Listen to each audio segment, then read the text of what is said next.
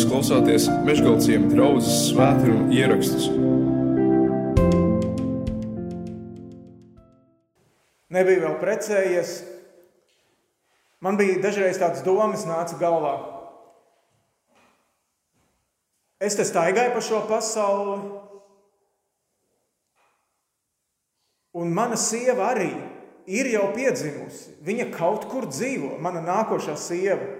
Es nezinu, jums ir bijušas tādas domas galvā savā jaunībā. Mana otrā puse kaut kur staigā pa šo pasauli, bet es viņu nepazīstu. Kaut kur viņi ir, bet kur? Un kad es viņu satikšu? Un es atceros divas epizodes, kad es Sandru satiku. Un man pat toreiz neprātā nenāca, ka viņa būs mana sieva. Ja? Es tikai ieraudzīju viņu pa gabalu, es pat nezināju, kā viņu sauc. Es tikai zināju, ka tā ir tā, ko es toreiz tur redzēju. Ja? Redziet, Dievs jau arī šī laikā, par kuru mēs lasījām, Dievs arī bija jau savu dēlu devis. Ziemassvētki jau bija notikuši. Dieva dēls jau bija audzis augumā un piemīlībā pie Dieva un cilvēkiem. Bija, bija sūtīts jau arī Jānis Kristītājs, viņš jau arī bija piedzimis, viņš jau arī dzīvoja. Viņi dzīvoja starp cilvēkiem. Viņi bija savas tautas vidū, bet tā atklātā darbība viņiem vēl bija priekšā. Un cilvēki joprojām gaidīja. Bija tās mesijāniskās gaidas, kur ir, kad šis uh, dieva sūtītais glābējs mūsu tautai nāks, kad dievs sāks runāt. Dievs jau klusējis ir 400 gadus. Izraēla tautā neviens nav nācis, kas runātu uh, tā kunga vārdā. Un tad pēkšņi vienā brīdī tas notiek. Un ļoti pārsteidzošā vietā un veidā tas notiek tuksnesī. Tuksnesī pēkšņi ir kāds cilvēks, kas sāk runāt. Jānis Kristītājs, mēs no Lūkas evaņģēlijas stāstiem zinām, ka viņš piedzima veciem cilvēkiem. Gan, gan Caharija, gan Elizabete bija krietni gados. Tā kā varētu gadīties, ka Jānis arī jau agrā vecumā kļuva bārenis. Un, uh, Bībeles pētnieki domā, ka viņš, viņu varēja pieņemt tāda esēņu kopiena, kas dzīvoja tuksnesī, un uh, nu, viņiem bija sava tā, nu, svētos rakstus, viņi pārrakstīja un, un uzglabāja, un no esēņ, esēņiem arī tie kumrānas raksti, kuri vēlāk tika, tika izrakti arheoloģiskos atradumos, un, un kas uh, daudz palīdzēja Bībeles pētniecībā. Tātad tādā, tajā eseņu kopienā uh, varētu gadīties, ka uh, Jānis Kristītājs tika pieņemts un audzināts. Un tāpēc arī viņš atradās tajā tuksnesī. Bet, lai vai kā tas arī nebūtu bijis, rakstīts ir, ka pār Jāni vienā brīdī nāk Dieva vārds. Dieva laikā pār viņu nāka Dieva vārds. Un šis Dieva vārds ir par Eh, grēku nožēlas kristību. Viņš sāka staigāt pa visu Jordānas apgabalu, sludinādams grēku nožēlošanas kristību uz grēku piedošanu. Jūdi, jūdiem nebija sveša tāda kristības uh, rituāls kā tāds. Viņi kristīja pagānus, tos, kuri no pagāniem vēlējās kļūt par jūdiem, tātad jūdu prosēliti. Viņiem jūdi it kā viņus iemērca baseinā, lai nomazgātu to viņu pagānismu nost. Ja? Tātad jūdi apmēram jau zināja, kas ir šis, eh, šī kristība. Bet Jānis saka kaut ko vairāk. Jānis iet soli uz priekšu, un viņš saka, arī jums ir vajadzīga šī kristība. Arī jums ir vajadzīgs nomazgāt nost uh, kaut ko. Tas, ka jums ir senči, tas, ka jums ir Abrahams, Izaks un Jākaps, Tas, ka jums ir ciltsraksti, ka jūs varat līdz ādamam atkāpties vai ne atpakaļ un noskaitīt savus, savus senčus, tā nav nekāda garantija par to, ka jums ir vieta debesu valstībā. Jums arī ir vajadzīga grēku nožēla, ļoti personīga. Uh, Lūka arī vispār visā savā stāstījumā viņš uzsver šo evaņģēlija vispārējumu, universālismu, ka tas nav tikai ebreju īpašums, eh, jūdu tautas eh, kaut kas speciāls, vai ne? Ka tas ir visiem. Pagāniem arī. Mēs jau lasījām, kā arī Jēzus šeit, 4. nodaļā, tad, kad viņš nu, runā Naceretē, sinagogā, viņš arī saka, um, patiesi es jums saku, daudz atraitņu bija Izraēlas zemē, Izraēlijas dienās, kad debesis bija aizslēgta trīs gadus un sešus mēnešus, tā kā liels bats nāca pār visu zemi. Tomēr Elija netapa ne pie vienas sūtīts, kā vien pie atraitnes Sareptā, Sidonijā, ārzemēs, citur, ārpus jūdu teritorijas. Un daudz spitālīgo bija Izraēlas zemē pravieša Elīzes laikā, tomēr neviens no tiem netika šķīstīts kā viens sīrietis Nāmans, ārzemnieks. Jau vecajā derības laikā Jēzus norāda, tika glābti un dziedināti arī pagāni. Un arī Jānis Kristītājs saka, ka grēku nožēla ir vajadzīga visiem, arī jūdiem. Glābējs ir vajadzīgs visiem. Un pie kam tas ir steidzami vajadzīgs? Tāpēc, ka cirvis jau ir pielikts pie koku saknēm, cirvis jau ir atvēsts un ja augļu nebūs, tad tas tiks laists uz leju un koks tiks nocirsts. Respektīvi, viņš saka, pārbaudi, pārbaudi tu jūtas būdams, ar kādām domām un ar kādiem darbiem tu dzīvo. Saucēja balss tuksnesī, tā skan arī šodien. Ar kādām domām un ar kādiem darbiem tu dzīvo? Ar kādām domām un kādiem darbiem dzīvo mūsu līdzcilvēki? Vai, vai mums ir drošība par glābšanu? Un, ja tu saki, jā, es esmu drošs, tad kas tev dod šo pārliecību? Kas tev dod šo pārliecību? Vai tās ir tikai tavas izjūtas, ka tev šķiet, ka tavi labie darbi ir drusciņi vairāk nekā tie ļaunie darbi? Ja? Mūsu tajā postmodernajā laikmetā, kā to sauc, nu jau varbūt arī ir post postmoderns laikmets, varētu teikt, bet postmodernisms, postmodernisms nozīmē, ka katram ir sava patiesība, ka katrs dzīvo savā patiesībā. Tas, kā es jūtos, tā tam arī ir jābūt. Ja? Un mūsu postmodernajā laikmetā tas nav vienkārši dzīvot ar, ar to domu un pārliecību un ticību, ka ir viens glābējs, ka ir tikai viens ceļš uz debesīm ka ir visiem vajadzīga viena dieva žēlastība. Ko lai darām? Tas jautājums arī atskan šeit, pēc tam, kad Jānis ir sludinājis. Lūkas evanģēlijā un apakstuļu darbos tas ir bieži uzdots jautājums. Ko lai mēs darām? Attiecībā uz glābšanu bieži uzdots jautājums. Šeit, to, šeit mēs viņu lasām trīs reizes. 10. pantā, 12. un 14. pantā. To prasa muitnieki, to prasa kareivi. Ko lai mēs darām to? Mēs varētu šķirt šeit uz priekšu un lasīt arī uh, stāstu par bagāto jaunekli, kurš arī atnāk pie Jēzus un saka, ko man darīt, lai iemantotu mūžīgo dzīvību. Apustuļu darbos, uh, kurus arī ir uh, rakstījis Lūka, Tur arī pēc tam, kad Pēters vasaras svētku dienā ir sludinājis lielo, lielo sprediķi, tad arī tie klausītāji saka, labi, mēs, mēs kļūdījāmies, mēs Jēzu piesitām krustā, bet ko mums tagad, brāļi, darīt? Ko mums darīt tagad, lai visu to labotu? Tas ir labs jautājums, ko uzdot. Cietumsargs Filipos apstuļu darbos. Arī tad, kad notiek tā zemestrīce un, un apstuļiem nokrīt važas no rokām, un tas cietumsargs domā, ka visi cietumnieki jau ir aizbēguši, viņš arī, ne, kad uzzina, ka nē, viņi nekur nav aizbēguši, viņš skrien iekšā, nokrīt ceļos un saka, brāļi, ko man būs darīt, lai es iegūtu pestīšanu? Ko man darīt ar to visu? Svarīgs jautājums. Dieva valstības dēļ es domāju, ka mēs būtu darī, gatavi darīt ļoti daudz ko, vai ne? Dieva, lai tikai iegūtu Dieva valstību, mēs būtu gatavi darīt, darīt daudz ko. Un atcerieties, pagājušajā reizē mēs runājām par to latiņu, ko Jēzus uzliek. Par to taisnības latiņu, kuru viņš saka, nu, jūsu, jūsu taisnībai ir jābūt labākai. Jānis arī uzliek savu veidu to latiņu, ja?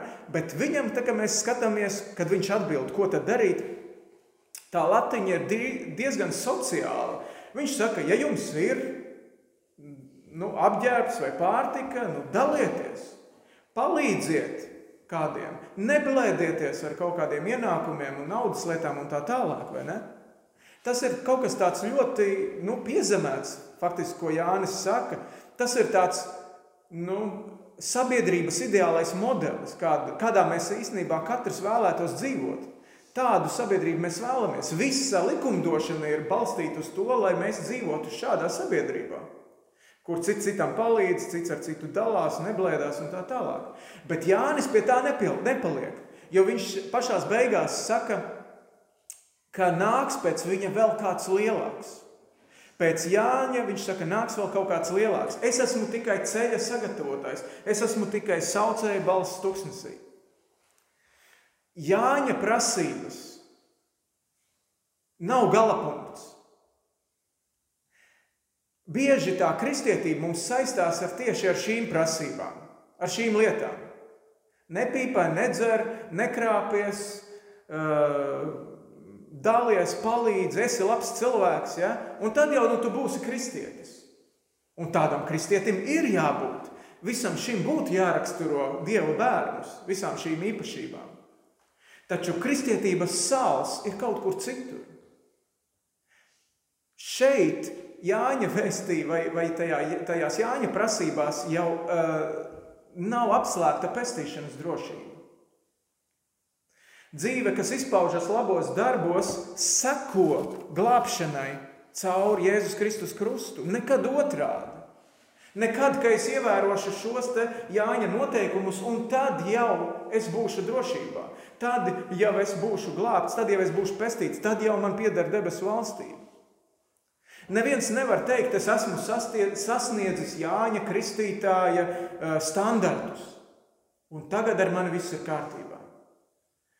Nē, kārtībā ir tad, kad es atbilstu Kristus standartam. Un kāds tad bija tas Kristus standarts? Mēs pagājušajā reizē runājām ne es kaut ko varu, bet viņš. Ne es varu sevi izglābt, bet viņš mani izglābi. Ne es varu tikt ārā no bedres, bet viņš mani izceļ. Ne es varu pārliekt pāri tai augstajai latiņai, bet viņš mani pārceļ. Ne ar saviem nopelniem, bet žēlastībā. Ne ar miesas panākumiem, bet ar gara spēku. Un Jānis ir tieši, Jānis ir skarbs un šarps vīrs. Viņš saka, viņš lietas sauc īstajos vārdos, vai ne? Viņš saka, jūs oģat dzimums. Es domāju, jums diez vai patikt, ja es te nostātos priekšā un, un, un, ar tādiem vārdiem sākt runāt uz draudzi, vai ne? Cirvis jau ir pielikts uh, ne, klāt. Uguns nāks un sadedzinās pelavas. Visas, viss, uz kuri būs te par vieglu uh, iepratī šiem kritērijiem. Jānis īstenībā dega par to, lai cilvēki nopietni domātu par to, kā viņi dzīvo, nopietni domātu par to, uz ko viņi liek savu cerību. Un tad nāk Jēzus. Un Jēzus runā kā tāds nu, ļoti kontrasts Jāņa vēstī. Tā kunga gars ir uz manis, jo viņš mani svaidījis sludināt prieka vēsti nabagiem pasludināt atsvabināšanu cietumniekiem, akliem gaismu, satriektos palaist vaļā un pasludināt mūsu kunga žēlastības gadu. Viņš runā citā tonī nekā Jānis. Viņš runā no žēlastības pozīcijām. Ne par velti Jā, Jānis vēlāk sūta savus mācekļus pie Jēzus un saka, Jēzu, vai, vai tu tiešām esi tas, kuru mums bija gaidīt? ja mums tomēr ir vēl kādu citu jāgaida. Un tad, un man liekas, es tā lasot, eh, nonācu pie secinājuma, ka tas ir tāds īpatnējs paradoks. Jāni par spīti visiem viņa nu, šarpajiem vārdiem, cilvēki nāca un klausījās. Un vēl beigās tur ir rakstīts, ka viņi pat sāk domāt, varbūt šis ir mesija. Turpretī Jēzus, kad nāk un sludina žēlastību, kad viņš runā žēlastības vārdus. Atcerieties, mēs lasījām tikko pirms brītiņa, viņi grib šīs žēlastības dēļ, viņi nogrūst no klints lejā. Dzīvot tajā brīvībā, ko sniedz žēlastība, nav viegli. Kā jau es dievkalpojuma sākumā teicu. dzīvot Dieva žēlastībā nav viegli. Žēlastība bieži vien mums, kā kristiešiem, ir tāds nu, kristīgs žargons, ko mēs lietojam pa labi, pa kreisi, vietā, nevietā. Un es domāju, ka lielākajā daļā gadījumu teiksim, to, to definīciju mēs zinām pareizi. Mēs izprotam pareizi, ko nozīmē žēlastība. Kad tu saņem to, ko tu neesi pelnījis. Ja? Mēs visi varētu pateikt, ko nozīmē žēlastība. Bet vienlaikus mēs dzīvojam ar cerību, ka mēs paši tiksim ar savu dzīvi galā.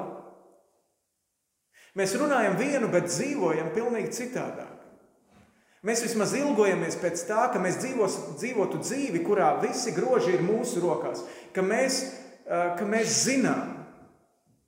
Piemēram, tagad, kad mēs atstāsim šīs telpas un mēs, mēs iesim mājās, mums būs viegli dzīvot žēlastībā, ja mēs zināsim, ka mums mājās ir ko ēst. Tu atvērsi leduskapu, un tev tur ir pilns desas sirds, maize, piens, viss tev ir. Tev ir viegli dzīvot žēlastībā, ja tu izējot no šejienes ārā, zini, ka rītdien, pirmdien tu dosies uz darbu, ka tev ir darbs, ka tev būs ienākumi. Tev ir viegli dzīvot, ja tu zini, ka tev dzīvo žēlastībā, ja tu zini, ka tev ir mīloša ģimene mājās. Tev ir viegli dzīvot žēlastībā, ja tu zini jau savu dzīves perspektīvu uz gadu vai diviem uz priekšu. Un tad mums ir viegli dziedāt, aleluja, žēlastību, paldies Tev, Dievs. Bet ja nu tā visa nav, ja tu nezini, izējot no šīs, šīm telpām ārā, kāda būs rītdiena, ja nu tu jūties vājš, ja nu tu neproti dzīvot, ja nu tev nesanāk,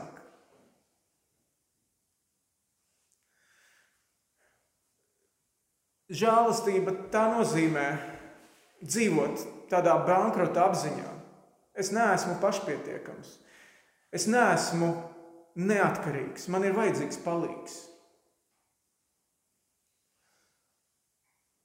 Un vienlaikus šī bezpalīdzība ir arī tas mans spēks. Jo tur beidzas tas, kad es pats tagad stūrēju, ja, bet atdodu stūri tam, kurš ir stiprāks par mani, tas, kurš ir gudrāks par mani. Es nezinu, vai saucēja balss tuksnesī arī šodien ir kaut ko teikusi šajā telpā. Jo latvieši šo teicienu saucēja balss tuksnesī, ziniet, kā lietoja. Runāts gan tiek, bet nekas nenotiek. ja. Saucēja balss tuksnesī, pa tukšo aiziet. Vai ne? Eh, tas ir tāds jā, latviešu, latviešu izpratnē, latviešu teicienu izpratnē. Bet redziet, evaņģēliju var sludināt kā, kā Jānis. Ļoti šarpi, skarbiem, asiem vārdiem. Var sludināt arī kā Jēzus. Bet abi sludina un runā par vienu un to pašu. Atbildību par to dzīvi, kādu tu dzīvo. Lai Dievs palīdz aptvert un piedzīvot žēlastību.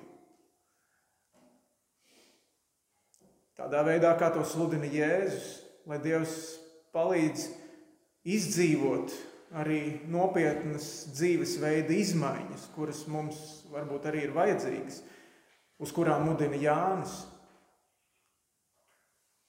Un ja Dieva balss šajā, ja, ja Dieva saucēja balss tuksnesī šodien ir runājis, tad neaizmirsti, uz ko šī saucēja balss tuksnesī tevi šodien ir mudinājusi.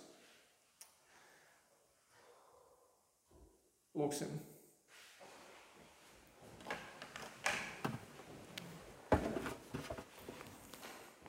Jēzu, paldies Tev par to, ka Tu runā tik dažādos veidos. Tu runā skarbi un tu runā maigi. Katram savā situācijā.